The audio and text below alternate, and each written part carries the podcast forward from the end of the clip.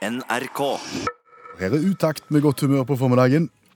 Og I går så sto du fram med en eh, ellevill historie Skjæveland, der du forteller at dere og familien er blitt grisesvindla på internett. Stemmer det. Eh, har sendt fra oss en PC PC til USA, og kommer aldri, aldri til å få betalt for den PC-en. Antageligvis. ja, ikke antakeligvis. Det er jo et håp. For du har forsøkt og forsøkt og forsøkt. Du har gått og snakket engelsk i telefonen ganske Ja, lenge. ja. Fordi at denne pakken har jo vært på vei. Mhm, stemmer det. I, I og med at vi innså at vi aldri kom til å få betalt for den, så tenkte vi la oss nå prøve å stoppe PC-en. For det tar jo en del dager fra du sender en pakke i Norge til den er framme i, i USA. Og i løpet av den tida der så må vi jo på et eller annet tidspunkt klare å, å stoppe den.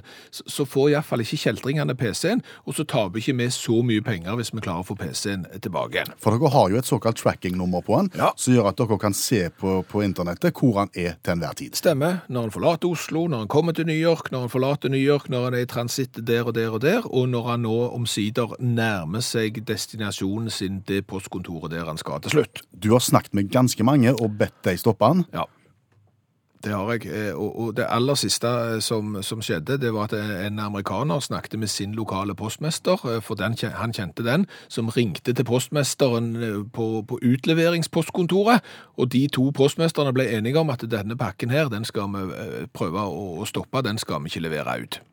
Og nå ser jeg på klokka at eh, og ifølge disse her sporingsnumrene mm. så skal pakken din være kommet fram til den byen hvor kjeltringene bor.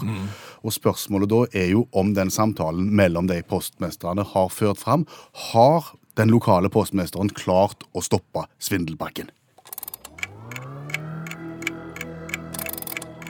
Har de klart å fiske han ut og sørge for at han ikke havner i hendene på kjeltringene?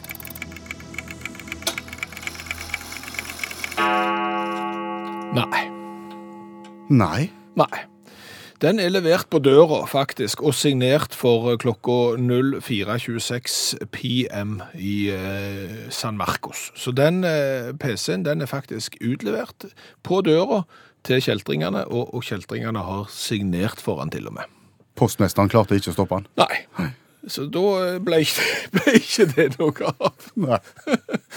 En varsla forbrytelse på en måte. Jeg har brukt eh, en halv uke og, og vel så det på, på å prøve å stoppe den. Eh, det, det går ikke. Nei. Så det er jo lærdommen her. Og så til alle som skal selge noe på, på internett eh, og sånn, dere må være veldig, veldig, veldig veldig årvåkne. Og egentlig så må dere bare slutte å selge ting, for på et eller annet tidspunkt så blir vi sikkert lurt alle sammen.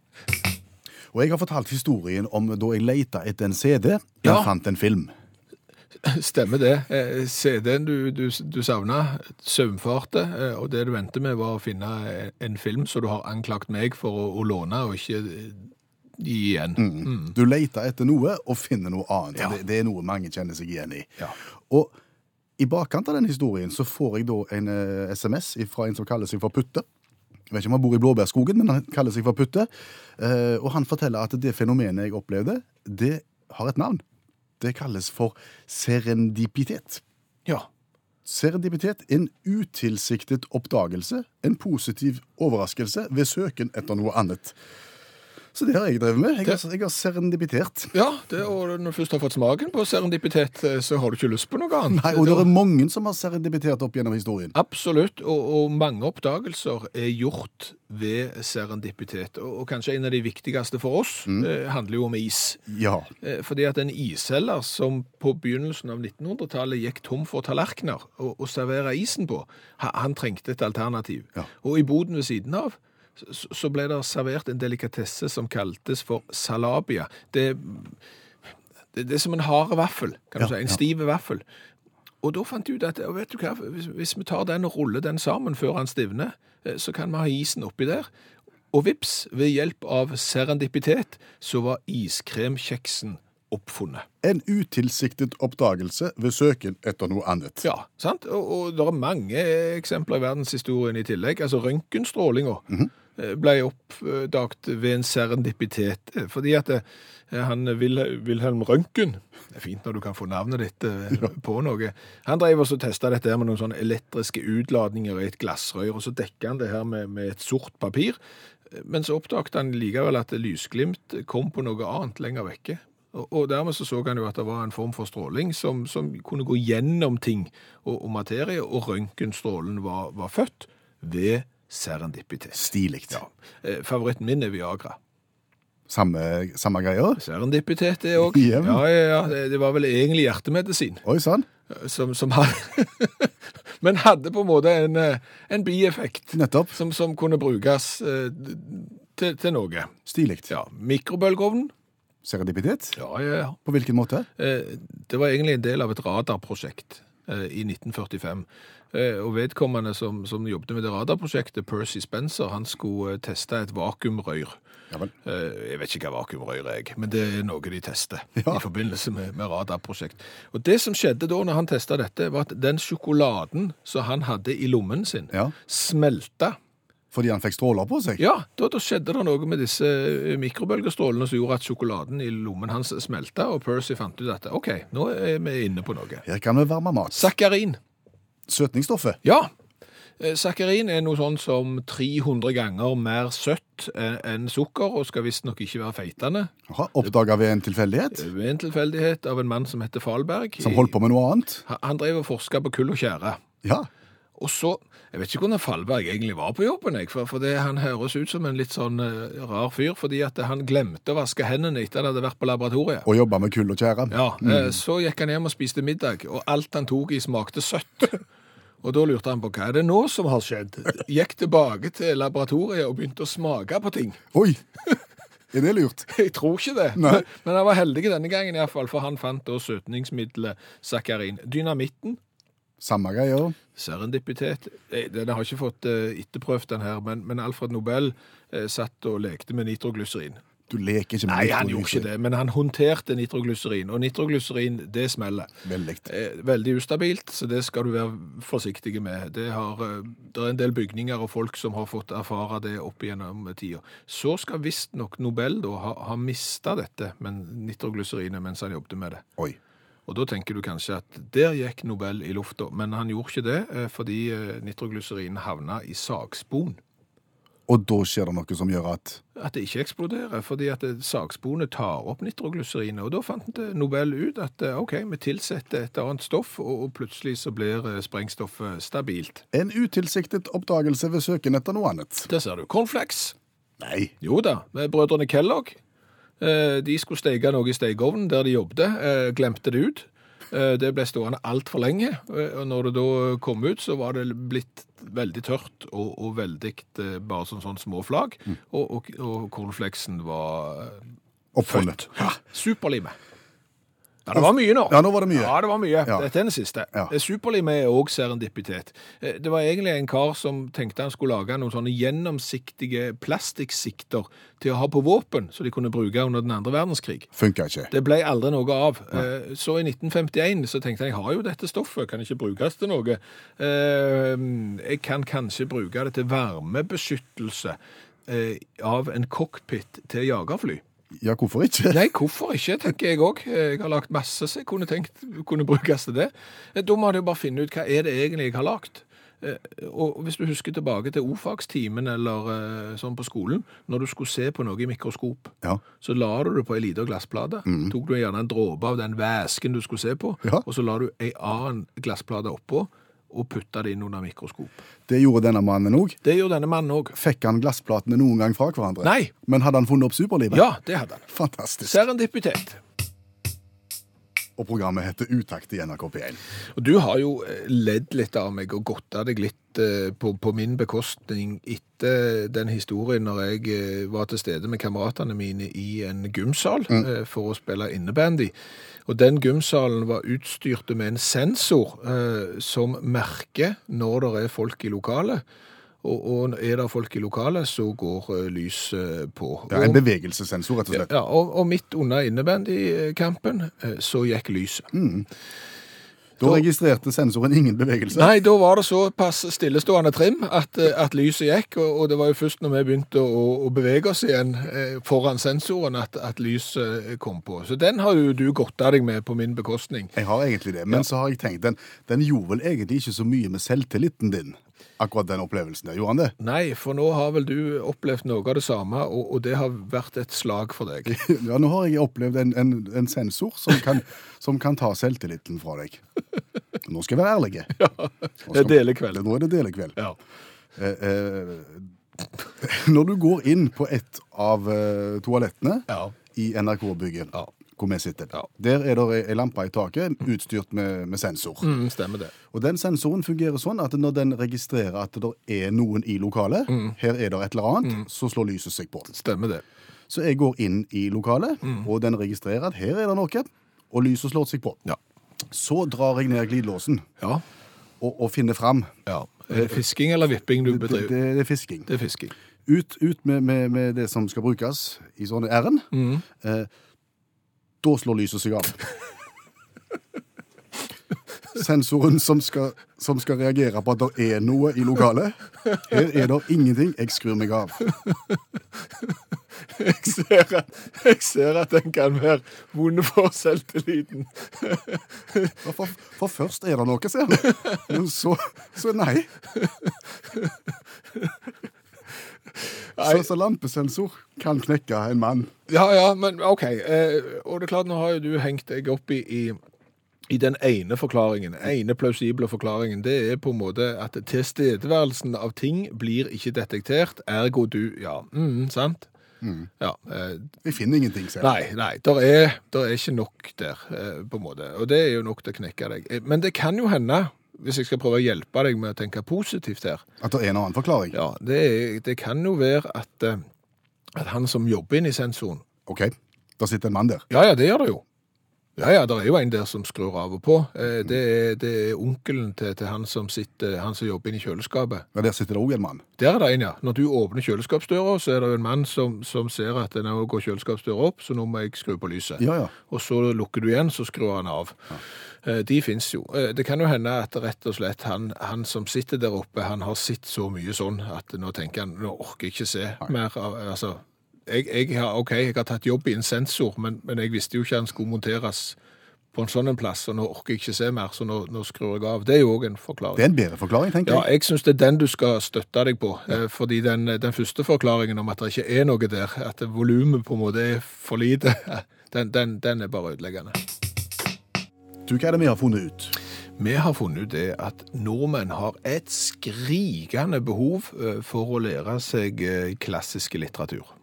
Uten å bruke mye tid på det. Stemmer det.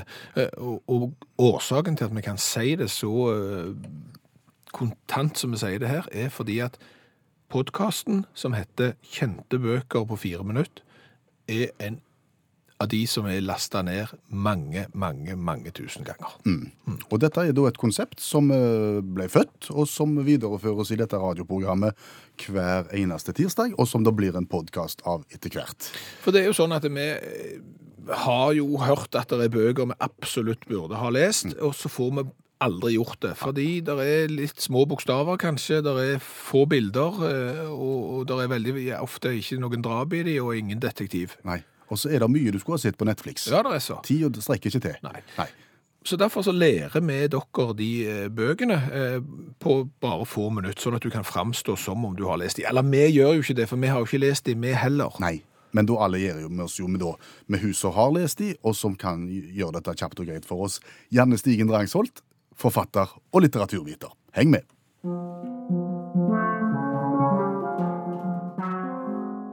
Den guddommelige komedie fra 1321 av Dante Alighieri. Dante har gått seg vill i skogen og angripes av ville dyr. Han får hjelp av den romerske dikteren Vergil, som fører han ned i helvete. Så videre til skjærsilden, og til slutt så kommer han til himmelen, hvor Beatrice tar over og viser han Gud. Det høres ut som en helvetes tur. Det er det. Vi er jo i middelalderen nå. Mye kloakk i gatene og kjipe ting. Så den beskrivelsen av helvete, den er veldig både detaljert og realistisk. Det er sånn at Dante han er opptatt av å dele ting inn i kategorier. Så du har forskjellige sirkler hvor folk er plassert avhengig av hva de har gjort. da. Sånn at eh, f.eks. kjetterne de er plassert i flammende graver, mens voldsmenn de er i ei elv av kokende blod. Men, men her, er- her er det to ting som jeg eh, ikke forstår. Eh, Det første er at boka heter Den eh, guddommelige komedie. Dette høres jo ikke ut som det er gøy i det hele tatt. Nei, og det er jo litt dumt. Hvis du liksom tar ned Dante når du skal ha noe sånn feel good-roman på flyet, f.eks. Viktig å lese bakpå. Okay. Men er, er det ironi? Nei, det er ikke ironi. Det er, at det er sånn at det, her snakker vi som komedie som livet, altså livet sjøl. Eh, så dette, det er ikke komedie i den vanlige ha-ha-forstanden. Okay. Det er mer sånn alt det som livet har å by på, introduksjon. Eh, og Dante, han er veldig bekymra for sin egen sjel. Og, og så leder jo det meg inn på det andre som jeg ikke forstår her. Fordi at du sier Den guddommelige komedie av sant, forfatter Dante Alighieri, eh, som beskriver Dante. Altså det er sjølbiografi. Er det det? Litt tidligere ute enn Knausgård, for å si det sånn. OK. Ja, så dette er virkelighetslitteratur. Eh, og det han har litt sånn Nå er jo ikke dette ei bok i Bibelen, men han har eh, tydelig inspirasjon fra profetene. For det er veldig sånn Så så jeg dette, og så viste de meg det. Og når han til slutt får treffe Gud, da, så svikter språket han. Da sier han ja, dette skulle jeg gjerne beskrevet for dere, men jeg Lyset var så strålende, og eh, Gud var, så, var Gud. Så det at jeg har ikke ord, og jeg husker egentlig ikke helt hva som skjedde. Hva er det egentlig han prøver å fortelle oss i denne boka? Det han prøver å fortelle oss, er nå må vi skjerpe oss litt. Har du lyst til å havne i ei flammende grav? Nei. Har du lyst til å havne i ei elv av kokende blod? Nei. Nei. Nei. Så ta, så kom deg ut av den skogen, da. Oppfør deg. Ja. Og, Dan Brown, eh, mannen med alle kodene og alle bøkene, han har jo også vært innom denne, har han ikke det? Stemmer det. Han er veldig influert. Han har lest Dante, eller i hvert fall lest liksom, oppsummeringen av Dante på, på Wikipedia. Har du et sitat? Jeg har et sitat. Veien til paradiset begynner i helvete. Ja, det er litt sånn det er i motbakke det går oppover. Stemmer det? Det var det Dante som fant på. Da skal du rett og slett få lov til å oppsummere Dante for oss. Ja, og, og, og det er ikke lett, men Den guddommelige komedie er ikke morsom i, i det hele tatt. Det er rett og slett en helvetes tur eh, som Dante begir seg ut på. Og hadde han eh, skrevet den sjølbiografien i dag om at du først har vært i helvete, så i skjærsilden, og til slutt så treffer du Gud, og det var veldig lyst, så hadde du vært lagt inn for lenge siden, for å si det sånn.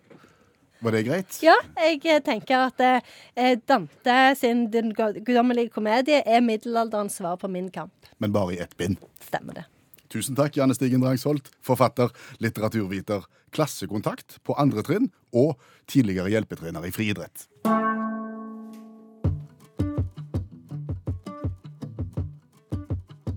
Og husk da at du kan laste ned alle disse podkastene, søker opp kjente bøker på fire minutter, annet denne Den guddommelige komedie av Dante. Jeg lurer på om jeg er alene om det, eller om det er ganske vanlig. Dette her med at du sitter på en ganske svær eh, samling CD-plater. Mm. Altså mange, mange hundre, tusenvis. Ja. Og så spiller du de ikke lenger. Nei. Du, du bruker eh, alle andre medier. Du spiller de ikke, de står i stua, og de, de må vekk. Men klarer en å kvitte seg med dem? Eller må de bare på loftet? Kan ikke kvitte deg med dem. Du kan ikke jeg, jeg, har- jeg, jeg har akkurat samme problemet. Ja. Jeg kan ikke huske sist gang jeg satte på en CD. Eh, Men jeg har de. Og jeg har lagra de i sånne skuffer i, i et stort én meter bredt skap. Der er det sånne trådkorger Ja. som er akkurat så høye at de rommer en CD på høykanten. Og de er proppfulle. Og jeg kan bare si det, at eh, når eh, det er én meter bredt, og de er proppfulle av CD-er, så er det veldig tungt. Eh, Det som da skjer, er at hylla kollapser. Oi. Eh, og detter ned på hylla unna, mm. som òg er CD-er, Mm. som gjør at den òg kollapser, og dermed detter ned på DVD-ene, eh, filmene, under der. Og da har du et totalt takras i eh, skapet, men jeg får meg ikke til å kvitte meg med det. Selv ikke da. Nei. Nei. Nei, men altså eh, Nei, jeg må si, jeg vurderte det samme, fordi jeg fylte bananeskene stappfulle med CD-er og skulle ha de opp på loftet, og jeg registrerte også at det er veldig, veldig tungt. Ja, og, og, og ikke minst så når jeg ser på de, så husker jeg jo hvor mye de kosta. Ja. Altså, det studielånet mitt hadde jo vært nedbetalt på halve tida hvis det ikke hadde vært for de CD-ene der. Så de står jo der som en påminnelse om noe. Men de kommer aldri til å bli brukt. sånn. Nei, de gjør ikke det. Nei, jeg tenkte, mens jeg var midt i flytteprosessen min, så tenkte jeg, la meg nå høre på en av dem mens jeg jobber. Eh, skuffa i CD-spilleren min Ja. hadde trutna, så det sies. Oh, ja. Den gikk ikke opp. Nei. Det er såpass lenge siden den har vært oppe at den gikk ikke opp. Men hiver jeg platene. Altså, det halmstrået jeg holder meg til, Ja. det er det. Hvis du tenker l- godt, godt tilbake til, til ja, mange tiår tilbake igjen, så var det jo sånn at folk hørte på LP. Ja. Så kom CD-en. CD-en var jo noe alle tiders nytt. Det skulle jo være 150 ganger bedre enn LP, ble det sagt, osv., osv. Dermed så kvitta jo mange seg med LP-er, og så kjøpte de CD istedenfor, og gjerne nøyaktig de samme platene. Å ja. Sant? Så forsvant LP-en, ja, og så forsvant jo CD-en. Ja. Og til slutt. Eh, Men nå er LP-en kommet tilbake. Og da tenker jeg at hvis du bare venter lenge nok, så kommer plutselig CD-en tilbake for LP-en, for LP-en kommer jo tilbake for CD-en som kom, sant? Du ser at det er gjerne... Altså, her må du ikke ta noen sjanser. Nei, Nei, det er jo ei greie. Ellers så kan du parallellforskyve de. Parallellforskyve? Det er litt sånn som jeg driver på med med film. Ja. Først så kjøpte jeg filmer på VHS. ja. Så kom der DVD. Da kjøpte jeg favorittfilmene mine en gang til på DVD. Eh, Da eh, parallellforskjøv jeg eh, eh, VHS-ene til hytta. Og, og, DVD-ene ble stående i, i byen. Stemmer. Så kom det som kalles Blu-ray, som var et enda bedre format. Eh, Da kjøpte jeg nøyaktig de samme filmene en gang til. Eh, Da kvitta jeg meg med Altså, da gikk VHS-kassettene gikk til Fretex. Eh, DVD-ene havna nå på hytta, og, og Blu-rayene ble hjemme. Nå streamer en film. Ja, så nå er Blu-rayene på vei til hytta eh, sammen med, med DVD-ene. Sånn at her ser du du har et parallellforsyningsunivers. fordi at når du ikke har nett på hytta, så, så kan du ha de der. Men snart så kommer det nett på hytta, da Da vet du ikke hva du gjør. Nei, da vet du ikke hva jeg gjør. Nei. Nei, det er ikke lett. Nei, det er ikke. Utakt leser høyt fra boka 'Norges morsomste vitser'. De beste vitsene fra NM i humor. Han Jeremiassen var en slik ualminnelig god lastebilsjåfør. Det var bare én ting han var bedre til, og det var til å banne. Og banne gjorde han så det lyste da han skulle til klokkergården med et lass kull og ikke fikk bilen inn gjennom porten. Klokkeren sto forskrekket og hørte på dette. Til slutt gikk han bort til Jeremiassen og sa, Om denne porten er trang for deg, Jeremiassen, så vil nok himmelens port bli adskillig trangere med slik bannskap. Da kikket Jeremiassen indignert bort på klokkeren og sa, Pokker heller, du tror vel ikke at jeg har tenkt å ha med meg bilen gjennom den porten? Du har hørt Utakt lese høyt fra boka 'Norges morsomste vitser'. De beste vitsene fra NM i humor. Programmet begynner å gå mot slutten, jeg må spørre seg pleier. Hva har vi lært i dag? Oh, vi har lært veldig mye i dag. Så bra. Jeg, jeg må si det. Jeg har annet lært av Arne at eh, du ikke er den eneste som opplever sensorproblematikk. Det vil si at når du kommer inn på toalettet i, i NRK-bygget, eh, så å, å fiske, vippe fram Redskapen. redskapen din, eh, så skrur lyset seg av. Ja, for da opplever han her er det ingenting. Nei, eh, og det er klart det er jo et slag for selvtilliten din. Eh, Arne har, om ikke helt like, som, så iallfall lyssensorproblematikk òg. Hotellrom i Luxembourg for et par år siden. Og på badet så var det plassert en sånn en, sensorinnretning som for så vidt fungerte bra. Det eneste som ikke var bra med den, var at det, det var et separat toalett inn forbi selve baderommet. Og, og lyset gikk på den nøyaktig samme sensoren. Så når han da satte seg ned, Arne, der den første morgenen, i et ukjent rom, eh, og så ble det jo plutselig stummende mørkt, for det var jo ikke detektert noen bevegelse på utsida. Og når du da prøver liksom å vifte og fekte med armene, så, så nytter jo ikke det, for han sitter jo der, der inne. Eh, klarte å finne fram til toalettrullen, og tenker hvis du hiver den ut av døra, så vil sensoren detektere bevegelse på utsida, og da vil lyset komme på. De Det gjorde ikke det. Nei. Men og da har du kasta vekk papiret òg.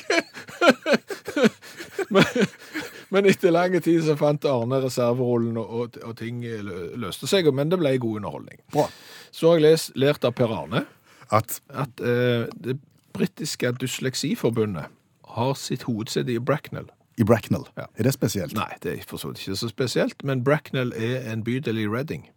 Er det spesielt? Nei, for så vidt ikke, men hvis du Det blir jo litt gøy hvis du ikke uttaler Reading sånn som du skal gjøre, men vi uttaler bokstavene sånn som de står. Eh, Og da ligger Dyslesiforbundet i reading. Stemmer det. Og da blir det litt Da løye. ble det plutselig eh, mye gøyere. Så har vi lært det at Dante Alighieri, mannen bak den guddommelige komedien, eh, han blir bare kalt for Dante. Ja, bare fornavn. Bare fornavn. Og, og hvorfor er det sånn at han, forfatteren, bare blir kalt med fornavn? Det er jo ikke sånn at vi sier ja, nå har jeg nettopp lest Sult av Knut, eh, Per Gynt av Henrik, og før jeg, jeg skal gå løs på Snømannen av Jo. Nei. Og, og, og i påsken så tenkte jeg Sagaen av isfolket av Margit. Eh, og så har jeg jo lært det at folk som velger å kalle seg for kallenavn når de sender SMS til oss, eh, kan nok ikke gi en indikasjon hva kjønn dere har. Nei, for det er ikke alltid like, like lett å lese det ut. Nei, eh, du har jo kalt eh, Putte for han. Ja, og det er jo basert på at Putte gjerne er en liten gutt i en bok jeg leste da jeg var liten. Ja, eh, Putte er en godt voksen dame bosatt på Sørlandet. Så vet du det. Beklager, Putte. Ja. Skal ikke gjenta seg.